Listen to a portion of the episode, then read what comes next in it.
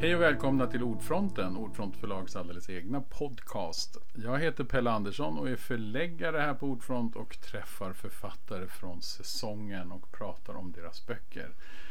Idag har vi Benny Hag och Lennart Karlsson här som har skrivit Det som inte syns. Hej och välkomna! Tack så mycket! Hej tack hej! så mycket, tack tack! Ja, det här är ju egentligen en, eh, en, kan man säga, en debut för er. Eller Ja. hur? Ja, ni har ju inte skrivit böcker ihop förut. Hur är det att debutera som deckarförfattare? Hur har känslan varit? Vid 60 års ålder också Ja. ska man inte glömma. Det är bra att du säger det själv. Ja precis. Äh, Det är fantastiskt. Det är väldigt kul. Det, det är liksom... jag, jag har ju tänkt att Jaha, vi blir utgivna. Jaha. Det är liksom konstigt på något sätt. Ja, eller, ja, det ska man inte säga. Men sådär. Och nu är det några som vill lyssna och läsa också. Så jag blir lättad. Det kan jag säga. Lättad är ett rätt ord för mig. Ja, för mig är det en helt surrealistisk känsla. Jag tänkte på häromdagen när jag, jag var förbi här på förlaget och, och, och du var i telefonen och skulle öppna dörren och pausa samtalet och säga Vänta, jag ska bara släppa in en författare. Varpå jag vänder mig över axeln och tänker, är det någon fler än jag här? För jag har liksom inte riktigt sjunkit in än. Alltså, så. Du är författare. Ja, ja, Ja. tydligen så är jag författare. Ja. ja, det blev så. Visst. Och till vardags gör ni något helt annat, eller hur? Mestadels. Ja, jag jobbar ju som poliskommissarie i, i eh, Region Stockholm och har gjort så i eh, 34 år. Eh, Så att eh, det kanske inte är så konstigt att eh, jag helt plötsligt har svårt att liksom tänka om att jag också skulle vara författare. Men det, det är det jag gör till vardags. Mm. Och Benny, du har ju skrivit böcker också. Jag har skrivit men inte någon i romanform utan det har varit eh, ja, vad säger man, biografier och eh, att jag intervjuat folk och sådär. Så det här är första gången som det är i romanform. Men sen annars så håller jag på med så här föreläsningsverksamhet. Jag är i grunden skådespelare och då upptäcker man plötsligt att det där kan man leva lite på. Och så har jag gjort det och sen skrivit. Sen är jag också KBT-terapeut på steg 1 nivå med specialisering på alkohol och andra droger. Så, Kalas. kalas. Mm. Och hur fann ni varandra? Alltså hur gick det till? För det är ju så här, de här böckerna, eller för nu är det ju bara en bok, men vi Mm. hoppas på att det blir fler. Ja, det hoppas vi Eh, och det är ju deckare som bygger på ett slags verklighetsbakgrund. Ja. Som du Mm. Lennart är där ute i, Mm. i verkligheten och träffar på de här människorna som både begår, begår brott och blir drabbade av brott. Ja. Men hur stötte ni på varandra? Hur Ja, kom det- ni på idén? Ja, det, vi måste ta en Karlsson till då. Mm. Som heter Per Karlsson som också är polis. Eh, eh, i samma, på samma station som dig. Ja, mm. ja. Och eh, Lennart är ordförande i Svenska Narkotikapolisföreningen. Och då kom de på att ja, men vi kanske också ska ha någon som pratar om alkohol Mm. eftersom det också är en drog.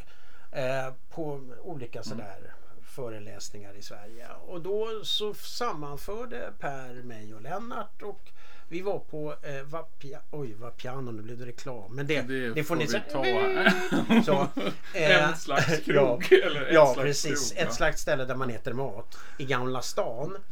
Och, eh, och vi liksom trivdes bra ihop och sen så åkte jag runt lite grann och Lennart pratade om afghanska flyktingkillar och jag lite alkohol och lite annat. Och sen har jag en, en otrolig begåvning på att när allt går åt helvete så vänder jag blicken någon annanstans. Jag sätter mig inte liksom och slår huvudet i bordet utan jag tittar åt ett annat håll. Och när då pandemin kom, den 15 mars 2000 så hade jag ett, eh, en föreläsning på Örebro universitet och de sa att Ja, vi tror inte att det blir något för att vi, vi vet inte. Men herregud, fan jag har åkt från Stockholm, det är 20 mil liksom. Kan inte få liksom, köra mitt? Jo, det gör ni. Ja. Och så satt det liksom 30 av 300 i den där aulan och jag körde på och åkte hem. Och sen var det stopp. Mm. Och när Stefan Löfven november 2020 sa att nu är det nattsvart. Då kände jag att liksom, då fick jag ett baseballträ i knävecken. Då kände jag, nu skiter jag i det här, nu, nu orkar inte jag mer. Men då kommer det där. Titta åt ett annat håll. Ja, då tittar jag Och åt där ett stod annat håll. Lennart Karlsson. Ja, vad, vad gör Där du här? jag. Lennart? Vad gör du här Lennart? ja, nej men då dök Lennart upp liksom för att vi hade, han pratar bra och jag, ja, vi hade trevligt. Och, så då tänkte jag skoja till det och säga att ska vi ses på Vapiano för jag har en idé. Och så sågs vi i Gamla stan och då kom, eh, ja, den kommer jag ju så ihåg så väl. Lennart kommer ut i tunnelbanan och jag står vid Mälartorget. Och så är det en som säljer apelsiner, eh, ja, och blommor och så va. Och det är vi tre som är i Gamla stan. För det är helt tomt. Pandemin var verkligen Ja, ja, det var, det var, det var helt tomt. Och vi går in på Vapiano och vi sitter där. Och Ja, så. de såg ju närmast chockade ut ja, när vi kom in. ja, men Alltså, precis. Ungefär Ja. som vad, vad gör ni Ja, men vi, ja, vi tänkte äta mat så då. Ja, och så gjorde vi det och så, så där. Ja, du hade någon idé sa Lennart. Och så, så tänkte, sa jag det att ja, alltså att vi skriver en bok ihop. Inte liksom om dig Lennart, utan en romanform om det du har varit med om, olika grejer. Och det var en reaktion på Lennart som var eh, fantastiskt intressant. Om du tänkte sista pilen i dart-VM. Och då får man en bindel så här och så snurrar de runt den och så ska man liksom slänga den och man vet ju inte var taveljäveln hänger va. Men då slänger jag iväg och så till, ändå på det röda va, i mitten. Bullseye. Ja, så var det faktiskt. Och Lennart sa liksom, ja men jag kan inte berätta det här. Inte på en Nej. offentlig krog. Nej, Så- nej det är Fast klart. det inte var någon där. Fast det inte var någon där. Ja, men, och jag blev sådär liksom, nej men, och jag trodde att han skojade va. Nej men jag kan inte det så att vi, vi får gå härifrån. Och så gick vi längst, eh, ja där det förut var den där eh, skinheads Helikopterplattan. plattan, ja som men den precis kallas, och ja. bort mot Ja. stadshuset. Och så berättade han eh, innehållet i det som se, sen blev Det som inte syns. Mm. Två år senare så är vi nu på en poddinspelning. Mm. Så. Nu har, jag, nu har jag pratat en kvart va? Mm. Lennart, stämmer det? Jo men alltså i stora drag. Ja. eh, i stor, sen, eh, som med alla bra historier så måste man ju måla lite grann. Mm. Ja, och det, och det, det, det är såklart. Men jag hade nog gått och burit på den tanken själv liksom i min fantasi. Men, men, men det krävs ju då liksom någonstans att någon tar och puttar den över över, över, över kanten och det gjorde ju Benny högst eh, påtagligt vid det här tillfället. Och jag, jag kände väl liksom att yes, fasen vad kul det här ska bli. Eh, sen kom jag hem och så tänkte jag så här, oj, vad har jag nu gett mig in på då? Hur, hur ska vi få ihop det här? Men, men, men där måste jag säga att Benny lotsade mig med varsam hand eh, fram och vi fick till, äh, men framförallt så fick vi till en form av, av, av samarbete som funkade. Och, och det jag Mm. tycker var bra var ju också att vi redan från början liksom la fast några några principer och, och några riktlinjer. Och den första principen vi la fast det var ju liksom att vi ska se till att ha kul. Att vi, att vi ska se, se till att tycka om det vi gör. Mm. Det får liksom inte bli något, något måste eller något krav eller liksom sådär. Utan vi gör det här för att vi tycker om det. Och vi ska också inta liksom en slags grundpositiv inställning. Om vi nu skickar det här manuset och vi blir refuserade i högerkant så ska vi liksom inte sitta och gnälla och varför är det ingen. Utan vi gör det här för att vi tycker det är kul och liksom givande. Och jag hade ju den här tanken, den här, alltså om, man nu ska prata om den här boken. Det, Mm. det, det, Det är det, väl rimligt Ja, att det- vi pratar om Varför just inte den här när, när vi boken. ändå är här? när vi ändå är här. Nej men det är ju så här att, att, att, att innehållet i den här boken bygger ju kan man säga på, på, på två parallella spår. Eh, som ju då är baserade på saker som jag har upplevt i, i mitt, mitt verkliga polisliv. Eh, och de här två spåren eh, låter vi mötas kan man säga. Och sen så eh, naturligtvis så tar vi oss konstnärliga friheter och förstärker och, och förbättrar och eh, broderar ut och så vidare. Eh, men, men, i, men i grunden så är det ju så att säga det, det, är verkliga problembilder vi beskriver. Eh, och, och som har varit i, i mitt arbete högst påtagliga. Alltså jag, det är klart under 34 år som polis så har man varit med om ganska mycket. Eh, så att det är ju inte så att vi kommer ha brist på, på, på liksom historier att berätta. Nej just det.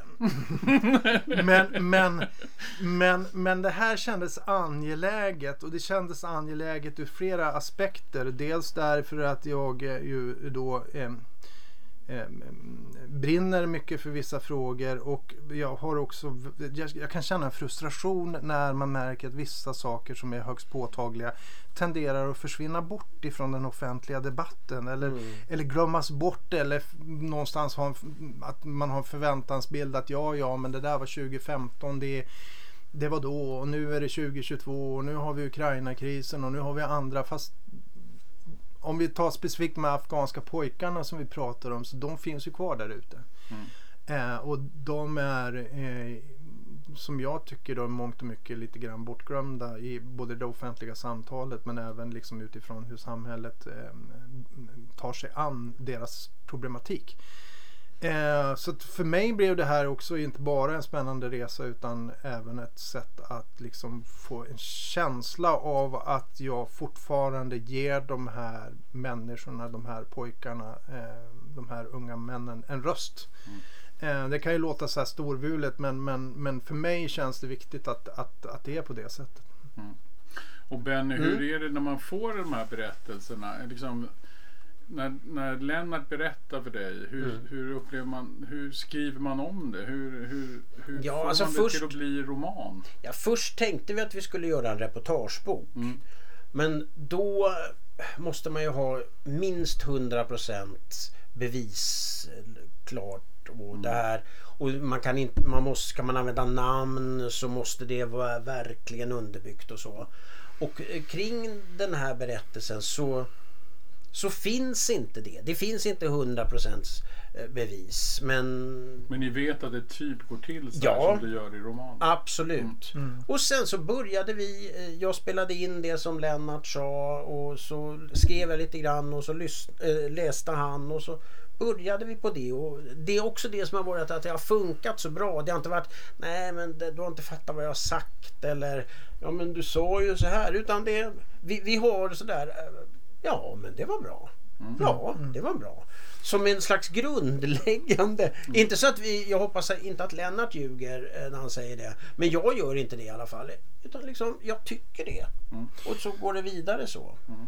No, sen, är det viktigt, sen är det viktigt liksom att påpeka att, att jag sitter ju inte och berättar om eh, faktiska ärenden som, som, som, som jag jobbar med eller som jag har jobbat med utifrån ett väldigt detaljerat perspektiv för Benny. För att det, alltså, jag har ju fortfarande tystnadsplikt när det mm. gäller eh, mm. vissa mm. saker. Mm. Eh, men däremot så kan man ju prata liksom lite mera stora vidare cirklar om företeelser och om händelser, situationer som jag då i dialog med Benny naturligtvis avidentifierar.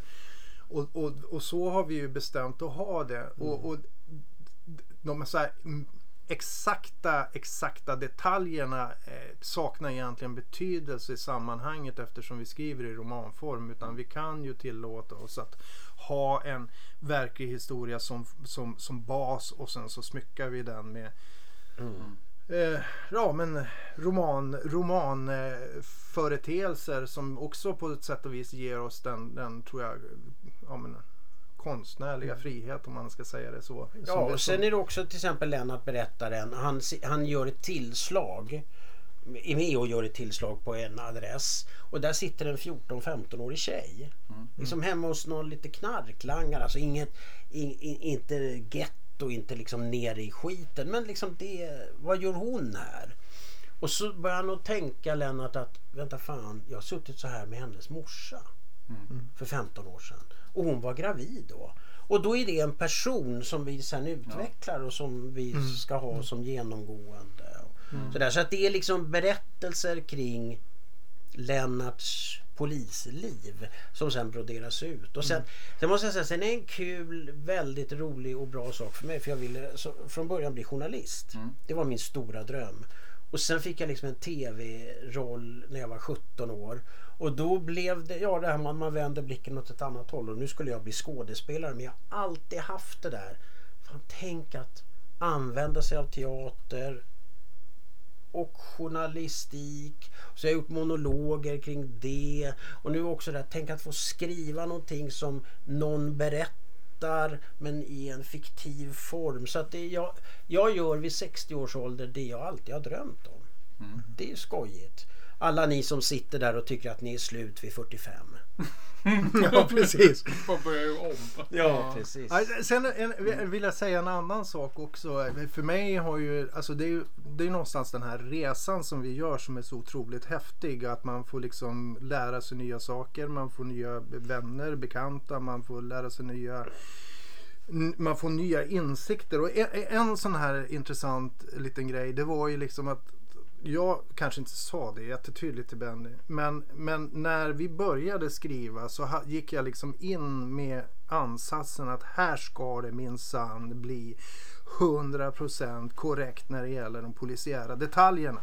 För är det någonting mina kollegor är duktiga på, och även jag, så är det sådär, ah, men alltså så där går det ju inte till. Alltså nej, nej, nej, det gör, så där funkar det liksom inte. Och det är allt ifrån böcker till tv-serier till filmer liksom. Man ser liksom poliser, riktiga poliser sitter med handen framför ansiktet och bara skakar på huvudet liksom. Så där, nej, så där är det inte. Så, att, Så fick det inte bli här. så fick det absolut inte bli här. I, i, hade jag bestämt mig för. Till dess att jag insåg att ja, fast ibland är verkligheten ganska, ursäkta språket, jävla tråkig.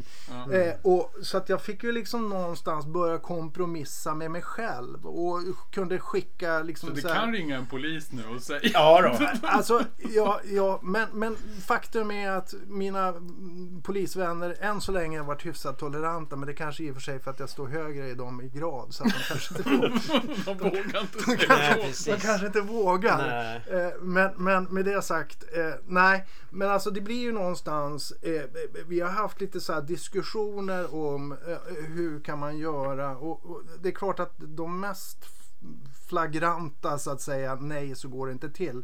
Där har ju Benny fått vika sig. Men, men det är ju så att jag har ju också någonstans tvingats inse att ja, det kanske inte är exakt så här det skulle vara. Fast det blir jäkligt bra. Det blir en bra story. Vad liksom. kan det vara för exempel som är lätta? Vad är det man ofta gör fel på då? Vad är det en författare ofta gör fel på? när Ja, det kommer till polisvärlden? jag skulle säga till Ni dricker inte så mycket kaffe. Eh, Jo, kaffe dricker vi. Vi dricker alldeles för mycket kaffe. Eh, och, och, Det gör vi i förlagsvärlden och, ljum, och ljummet kaffe framförallt. Men, men nej, men det, det är eh, ordval.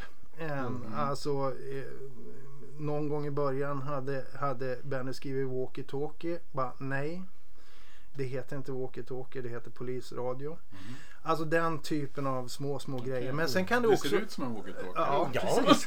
Men det är ingen walkie-talkie. Men sen, sen så kan det också vara, det finns till exempel, det finns till exempel eh, eh, ett avsnitt i boken där, där vår huvudkaraktär eh, åker in med en person på polisstationen och, och där ska man eh, börja, eh, där ska man eh, eh, kroppsvisitera den här personen och, och man ska hålla ett förhör. Och, och när Benny skrev det här så började eh, man med förhöret och därefter så genomfördes en visitation.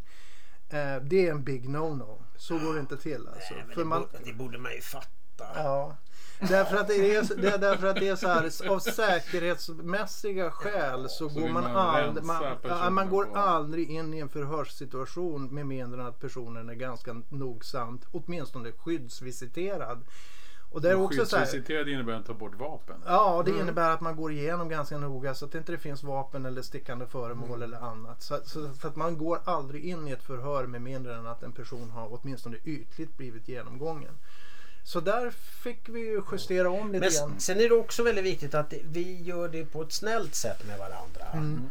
Eh, Det är liksom inte så här, men vad fan. Utan det till exempel en annan grej som var med. Det är att eh, Volter som huvudpersonen heter och en åklagare som heter Dorte Jakobsen åker runt på lite olika ställen och säger att den här personen måste stängas av utan att säga varför. Eh, och så läste Pelle det och så läste Lennart det. Och då sa Lennart, ja, mm, ja jag vet inte. Och Pelle sa, men det där vet jag, ja, okej, men då tar jag bort det då. Ja, och så tog vi bort det. Så alltså man behöver inte bli osams, man behöver inte bråka om saker utan det, ja, ja visst, ja, men absolut, det är bra, då vet jag det. Sådär, va? Och jag tycker alltså att det är så sjukligt kul att skriva. Så att jag, jag eh, tycker att ja men då får jag skriva lite till. Mm. Men hur stora är likheterna mellan polis Volter och dig själv eller Bergström och dig själv eller de här personerna som ändå är poliserna i boken, Lennart? Ja men det är väl klart att det, det finns väl vissa inslag. Eh, det finns väl vissa, eh, framförallt skulle jag säga grundvärderingar som kanske överensstämmer och sådär. Men, men samtidigt finns det på vissa punkter ganska avgörande skillnader också. Mm. Så att, det är väl som med allt i den här, i, i den här boken att jag tror att, att både jag och Benny har liksom fört in våra tankar, värderingar, Mm. våra synsätt, våra, vårat sätt att uppfatta världen. Inte bara kanske i, i nödvändigtvis i poliskaraktären utan även, även tror jag i andra karaktärer. Det där tyckte jag att du sa något väldigt Mm. spännande om hur du hur du eh, kände och identifierade. Ja men du, Alltså- pra- ja, men du pratade alltså vem? Jag- Ja du pratade ju om att... eh, när Ja, man- nej, jo men alltså det finns ju den här tjejen som vi pratade om. Det är nog den som jag, om jag tittar på alla som finns med i den här boken så är nog jag mest lik henne. Och hon är 14-årig tjej som sitter hemma hos en knarklangare. Liksom. Och det kan man ju dra slutsatser av vad det handlar om. Men, men eh, man får ju tänka också så här att vi tror i alla fall att vi är lite underdogs. Vi vill vara lite underdogs. Alla i den här boken är lite underdogs. Det är inga, inga som är lite... Ja, nej, men vad fan. Det finns ingen sån polis. Bovarna, de elaka, är så. Lite De är lite de är lite överlägsna. De lite det finns ett klart klassperspektiv. Även om det inte är så vanvettigt utskrivet. Men ja, jag ska ju på Nationalteatern ikväll. Nu var de sista turnén där. Så du att- var på Mikael Wiehe? Jajamensan! Och jag satt bredvid Daniel Suhonen. Liksom man känner det bara snurrar. Så får se om han är där ikväll också. va? Men kommer det också vara ett genomgående tema i de kommande böckerna? Just det att ni liksom pekar ut lite eliten som förövarna och att det finns liksom de här afghanska pojkarna och andra som utnyttjas så att det, liksom, det finns ett liksom sånt perspektiv i vilka som blir utnyttjade och vilka som utnyttjar eller kommer det där att förändras? Mm, Nej, jag Man skulle nog säga... sympati här. Ja, nej, jag skulle nog, vi skulle nog säga liksom att det här underdog-perspektivet det kommer att leva, leva som en röd tråd igenom Mm. de här tänkta eh, tio böcker var det sa. Ja, tio var det här. Och sen får vi se. Sen- Jo, men sen, sen, sen är det ju inte så här givet att bara för att man heter von någonting då är man en elak människa. Man kan vara underdog ändå. Va? Det där tycker jag är så roligt med artisteri. Om man säger Håkan Hellström. Han är ju liksom underdogens underdog och han säljer ut fem Ullevi. Det blir liksom konstigt. Han, kan, han anpassar sig inte efter att jag är Sveriges största rockstjärna. Och det där är alltså Lennart eh, är poliskommissarie. Jag har jobbat på Dramaten och varit fastanställd. Men ändå ser vi oss själva lite grann som ja, kommande från någon annan Jag trodde du skulle säga att det var litteraturens Håkan Hellström. Alltså, Jaha, nej, nej. nej, nej. Inte än. Inte än, men det kommer. Det kommer ja. Ja, precis. Jag är väl li- litteraturens Snoddas Nordgren. Så. Jag var ung en gång för länge sedan. Den flottade med färg. Alla flickor var som vax ute i min famn. Den har jag faktiskt kört eh, när vi var förband till Ebba Grön en gång på ett, rockställe som låg vid Medborgarplatsen. Jag tror den enda som har sjungit den på det stället faktiskt. Men det, ja, det var då det. Men, men sen, det finns ju andra saker som liksom ki- kittar ihop mig och Benny på något sätt. Och det är ju liksom så här. Eh, Benny är uppvuxen i, i, i Gubbängen i söder om Söder. Ja. Och jag jobbade ju som ung polis.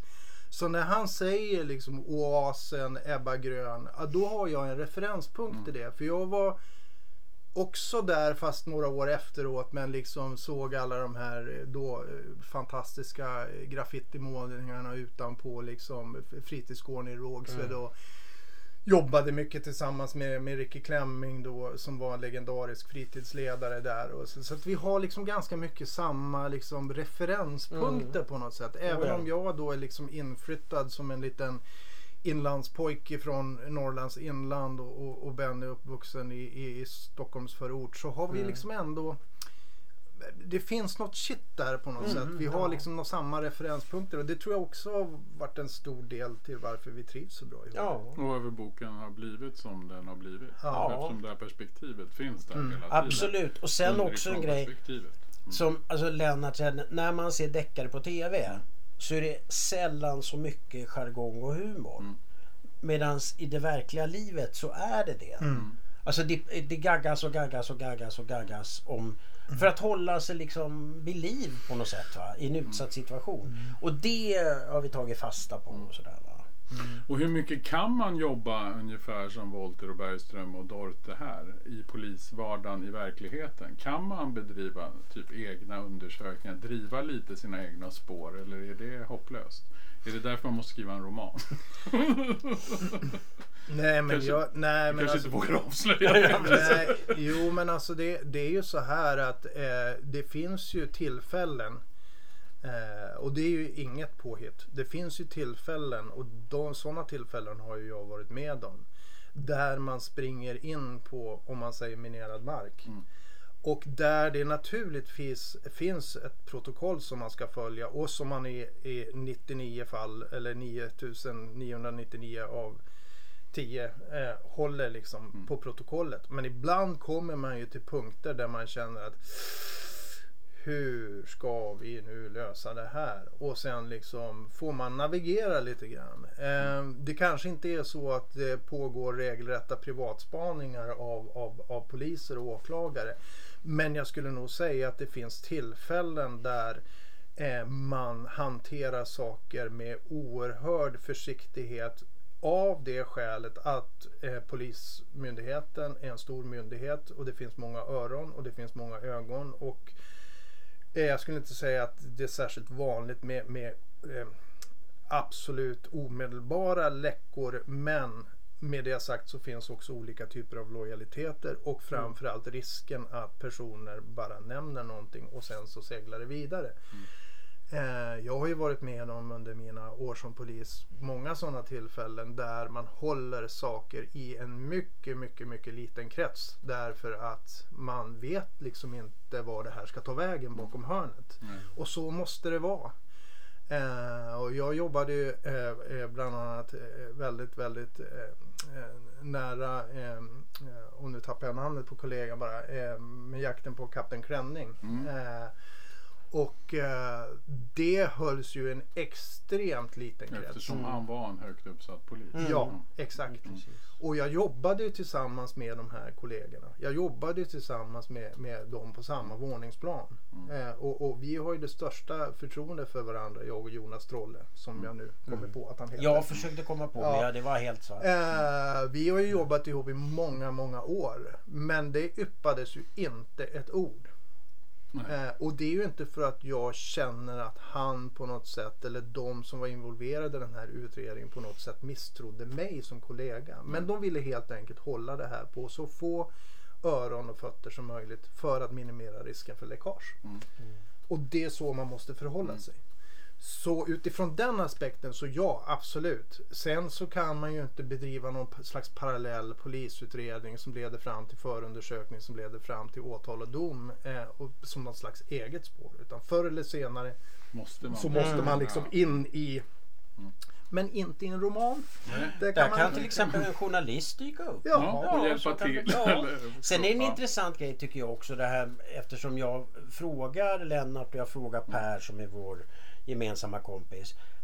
I alla serier så går man ju in med eh, pistol sådär och, och tittar Ja, runt hörn och så precis. va. Och eh, Per sa, vi går på fotboll eh, ihop han och jag, och så sa han fan liksom jag drog batongen i helgen här. Första gången på åtta år. Jaha. Ja, vad, vad, vad hände? Det var något slagsmål. Jag sa att de skulle sluta och det gjorde de inte. Så att jag började med att slå den där batongen i väggen. De slutade inte i alla fall så jag fick ju slå i knävecket där va. Fan, vad är det här? Och då tänker man att ja men det gör man väl varje dag men mm inte riktigt. Nej, och just nu i helgen har det ju varit väldigt mycket upplopp och elände. Men Mm. det här är det bästa sättet att få igång Ja. Lennart och prata om det. Ja, vi ska ju snart avsluta det här Ja. samtalet. Ja. Men, men ändå, hur, hur, hur ofta känner man sig liksom rädd som polis? Eller hur ofta blir det Ofta. våld? Ja, men ofta. Ja.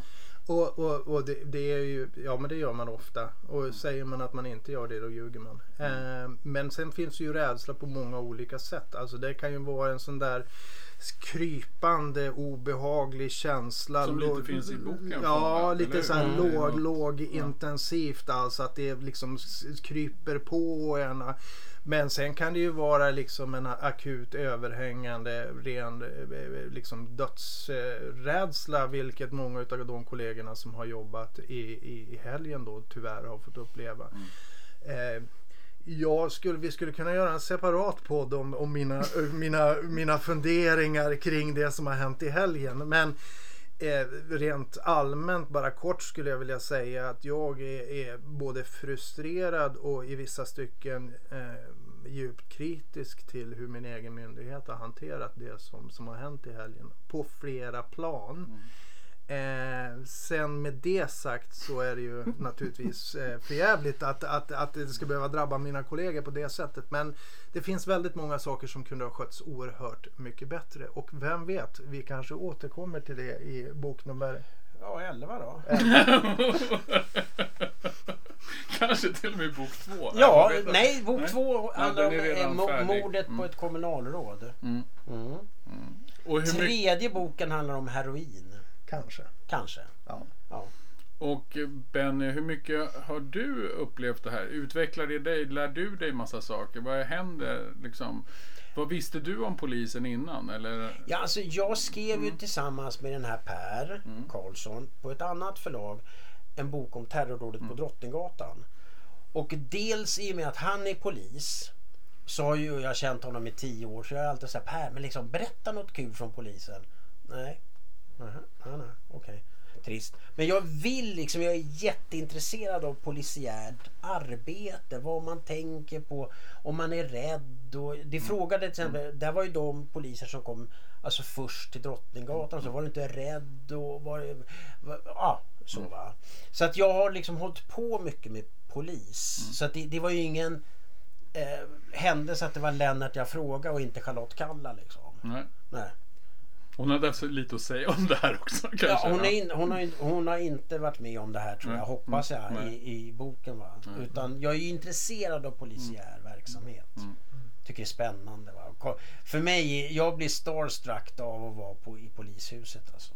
Oj, Det är stort. går Ja, oj, oj, oj. Och folk har liksom så här, uniformer och grejer. Va? Du går igång på uniformen? Ja, ungefär. Ja, ja, nu, det Nu blir det en ny podd igen. Här, va? Benny Hags uniformsfetisch. Ja. Ja. Det kunde tolkas så det du. Kära hustru, har du köpt en polisuniform? Tyst! Jag, kan, jag, kan, jag kan lösa det där. Jag går, jag går in i så här polisens presentbutik. Ja. Och så köper jag en sån här t-shirt som barnen har med så Ja. här påfixat koppel och sådär. ja, men det blir bra va? Ja, stor, storlek. Ja, det kan jag ha på releasen. Ja, det tycker jag. Ni kan ha båda på releasen. Ja. Ja, jag tycker det där var en bra avrundning Ja, ja. på det här Ja, samtalet. man avslöjar mycket saker så här när man bara pratar på. Va? Ja, tack så hemskt mycket Benny Haag och Lennart Karlsson för att ni kom till Ordfronten. Tack för att vi fick vara med. Tack själv. Och tack så hemskt mycket för att ni skrev boken Det som inte syns. Som just nu också är en fullkomlig succé på alla ljudbokstjänster. Fantastiskt.